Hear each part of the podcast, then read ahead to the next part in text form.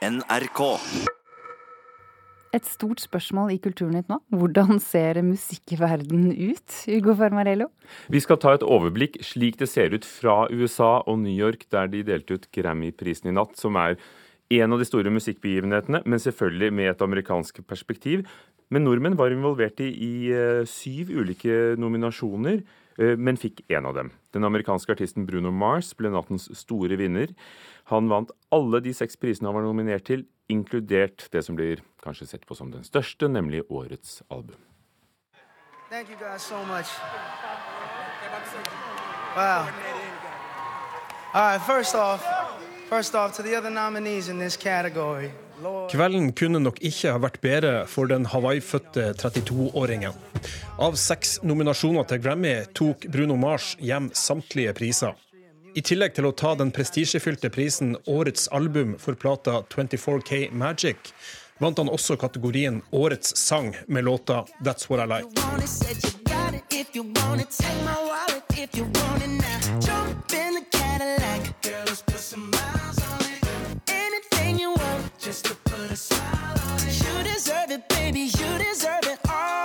Også rapperen Kendrick Lamar hadde en fin kveld i New York. Han tok hjem fem av sju priser han var nominert til.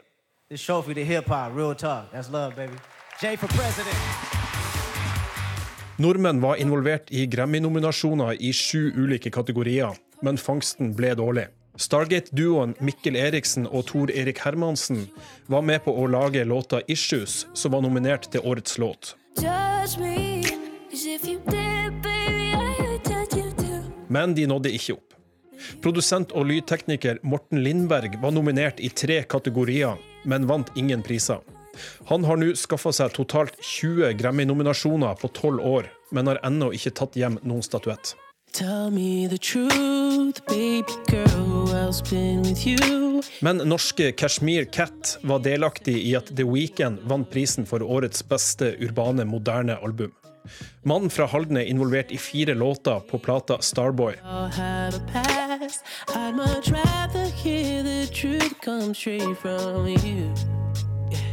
Metoo-kampanjen fikk som venta en viktig plass under det stjernespekka Grammy-showet. Mange av artistene bar ei hvit rose i solidaritet med bevegelsen. Det store metoo-øyeblikket under showet var en emosjonell opptreden av artisten Kisha, som sjøl har varsla om seksuelle overgrep. Strength I've never known. Cause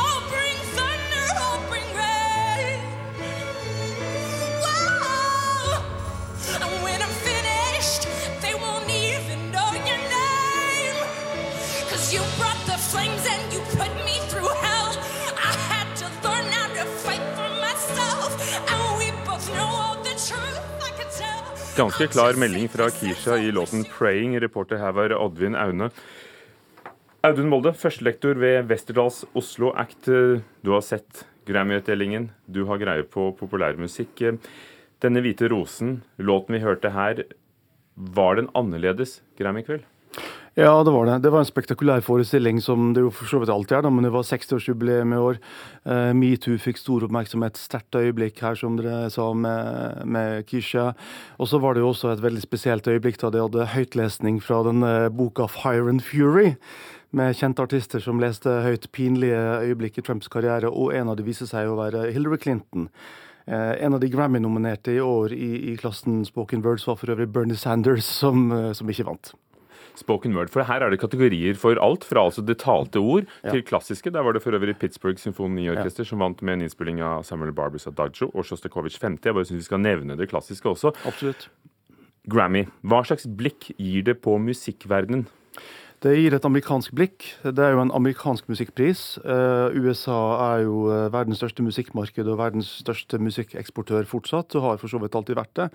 Så når vi snakker om eh, både nordmenn og europeere som er nominert her, så, så må vi huske på at det er en amerikansk pris. Da. Um, så andre utdelinger som Brit Awards f.eks. gir et annet bilde, et utfyllende bilde. Eller asiatiske priser. Eller selvfølgelig. P3-gull? Eller P3 Spellemannsprisen. Eller Grammis i Stockholm. Men det er klart at Grammy eh, er viktig. Dere i NRK og mange andre medier eh, lager innslag om det. Og det er, det er ikke den eneste, men den er den viktigste prisen. Og det stemmes frem av de amerikanske musikkindustriens akademi. Litt som filmens Oscar blir eh, stemt frem av medlemmene der. Ble det de riktige vinnerne sett med en fagmanns øyne? Ja, Det vil nok også ulike fagmenn uh, være uenige om, uh, for å være litt diplomatisk der. Men uh, altså jeg tenker Noen store unnlatelsessynder i år. JC var nominert i åtte priser, gjorde et fantastisk album, vant ingen.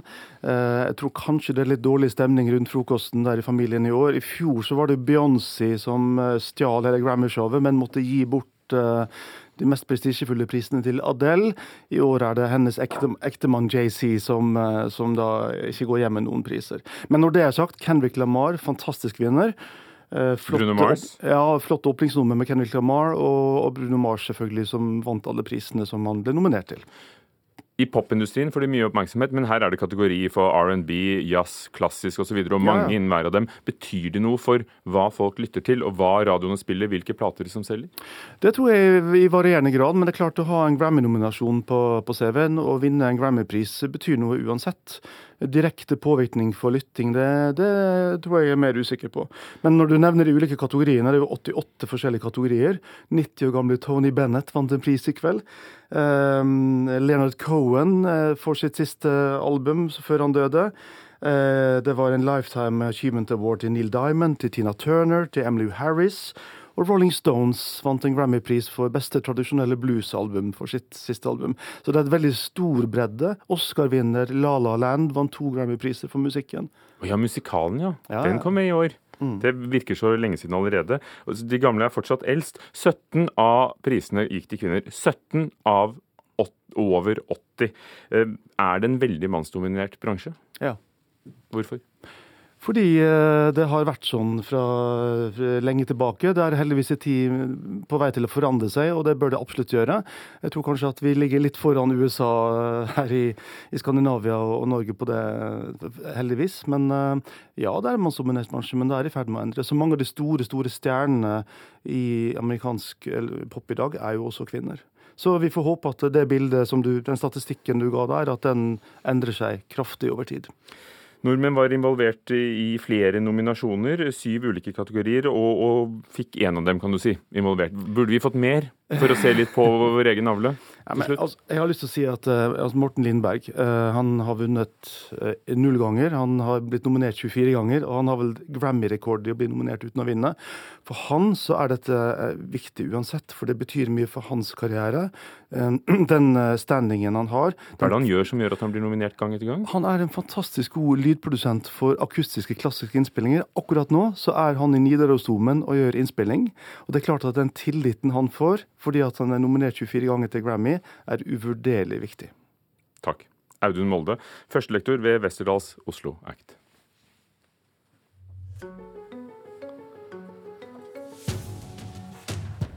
Du hører på Nyhetsmorgen i NRK, men det vi skal snakke om er BBC og bl.a. deres utgave av Nyhetsmorgen og den lønnen de får, de som snakker der. Reporter Oddvin Aune, hva dreier det seg om? Ja, BBC sin lønnspolitikk har jo vært en eh, stor debatt i, i England den siste tida, som du er inne på. Eh, det er jo særlig etter at de i sommer ble tvunget til å vise fram hvor mye de best betalte faktisk får i lønn. Og det viste, viste, seg jo da at nesten 100 av de ansatte tjente halvannen million, millioner kroner mer enn statsministeren. Men det som også kom fram, det er jo at de mannlige TV-ankerne tjener langt mer enn kvinner med de samme arbeidsoppgavene. Eh, og Aftenposten skriver i dag at det, det nye nå er at flere av de eh, veldig godt betalte mennene eh, går med på betydelige lønnskutt hos BBC. Men, men, hvor mye er det snakk om? Ja, Den best betalte programlederen som går med på lønnskutt, Jeremy Vine, i, som er programleder i Radio 2, han tjente i fjor ca. 8 millioner kroner, som jeg regner med mer enn du tjente i fjor, Ugo. Det, P2, Radio 2, forskjellige kanaler. Ja, ikke sant. Uh, det spekuleres i at han og fem andre har gått med på en halvering uh, av lønna, men det er ikke endelig bekrefta. Hvordan blir det mottatt blant alle kritikerne? Uh, utgangspunktet at det her er fint og flott, men at det ikke er nok. Uh, saken skal nå behandles politisk. Og en av de som skal vitne i hermetegn i uh, en parlamentskomité, det er BBCs tidligere Kina-redaktør Carrie Gracie. Hun gikk nylig av i protest mot de her lønnsforskjellene. Og hun har hevda at blant de fire eh, internasjonale redaktørene i BBC, så tjener de to mennene 50% mer enn de andre to, som er kvinner. BBC, hva sier de? Nei, De forsvarer seg sjøl med at lønnsforskjellene mellom kjønn er mindre enn ellers i britisk arbeidsliv. Takk. Oddvin Aune. Denne helgen åpnet utstillingen Hen, flytende kjønn, på Haugar Vestfold kunstmuseum, som ligger i Tønsberg. Det er første gangen pronomenet hen, altså ikke han eller hun, men hen, danner utgangspunktet for en utstilling. Og Mona Pale Bjerke, NRKs kunstkritiker, hva slags utstilling er det de har laget? Ja, Det er en utstilling som tar opp nettopp dette med kjønn og identitet, som det ligger i tittelen. Og også det som vi omtaler gjerne som ambivalent kjønnsopplevelse eller eh, kjønnsidentitet. Hvordan viser de det? Ja, det, Her er det et bredt spekter av norske og også internasjonale kunstnere. Bjarne Melgaards ekspressive og burleske malerier. Vi har Vibeke Tandbergs fascinerende fotografiske selviscenesettelser. Også glimt fra Nan Goldins fantastiske The Ballad of Sexual Dependency fra 80-tallet. Som er en fotoserie? Altså. Som er en fotoserie med snapshots-fotografier, på en måte, som danner utgangspunkt for denne viktige fotosjangeren, hvor hun, som hun sier selv, gir oss en visuell dagbok som hun lar oss lese, eh, hvor hun blant annet skildrer nære venner som dør eh, i aids. Og da er det bl.a. et eh, bilde fra denne delen av serien som heter Gills arm, som viser en utmagret eh, arm på en sykehusdyne. Et utrolig gripende og vondt bilde. Og så er det kunstneren Mari Victoria Wulf Andreassen, som du har beskrevet som en skal vi si, rampete og mørkere Elsa Beskow. Ja, hun jobber en nesten sånn Elsa Beskow-aktig, litt sånn søtladen illustrasjonsstil, hvor man kan føle at man kommer inn i et eventyrunivers som er besjelet, en besjelet natur, hvor eh, menneske og natur glir over i hverandre. Men dette er jo alt annet enn en barnebokillustratør, kan man si. Hele hennes kunstnerskap bugner av eh, kjønnsorganer. Eh, og blant annet her så ser vi da eh, tegnet på veggen en sånn Elsa Beskow-aktig uskyldig pike som står i en sånn blyg pikepositur med hodet bøyd, og det myke håret faller ned foran ansiktet. Men så er det da en mektig ereksjon som løfter kjolestoffet opp, så, som skaper en da litt forvirring i forhold til hva det er vi ser. Og så er det et verk som i 2006 skapte voldsom eh, debatt da det ble vist på Høstutstillingen. Kanskje det skaper mindre debatt nå. Hva snakker vi om? Narve Hovdenak, det er eh, filmen 'Neomann' hvor han da, som han har gjort gjennom uh, veldig mye av sitt uh, kunstnerskap, utforsker den forvandlede mannsrollen og brytningen mellom styrke og sårbarhet. I denne filmen så iscenesetter han seg selv som en politimann og en overgriper, som uh, rett og slett altså, som lener seg inn i en bil og, snakker da åpenbart til noen unge mennesker, og får sjåføren til å imitere at hun gjør, utfører oralsex mens han onanerer mot kamera. og dette er jo på en måte både både den sterke mannen med penis i hånd, eh, som er en overgriper, samtidig så er det noe veldig sårbart i å bli betraktet i en så privat eh, situasjon. Så det er en veldig interessant, men også liksom pinefull eh, video å se. Utstillingen heter altså 'Hen flytende kjønn'. Pronomenet 'hen' eh, kom inn i svensk på 60-tallet. Eh, står ikke i Språkrådets ordbok ennå, men det står i den nye Norske Akademis ordbok. Eh, hva oppnår de? Fordi mange, mye av denne kunsten er jo gammel. Det er jo ikke noe nytt. Nan Goldins verker er jo snart 30-40 år gamle, mm. f.eks. Ja, nei, dette er jo viktig et viktig prosjekt som har utfoldt seg gjennom over tid. Men det er veldig flott nå at man samler dette til en sånn flerstemt ytring.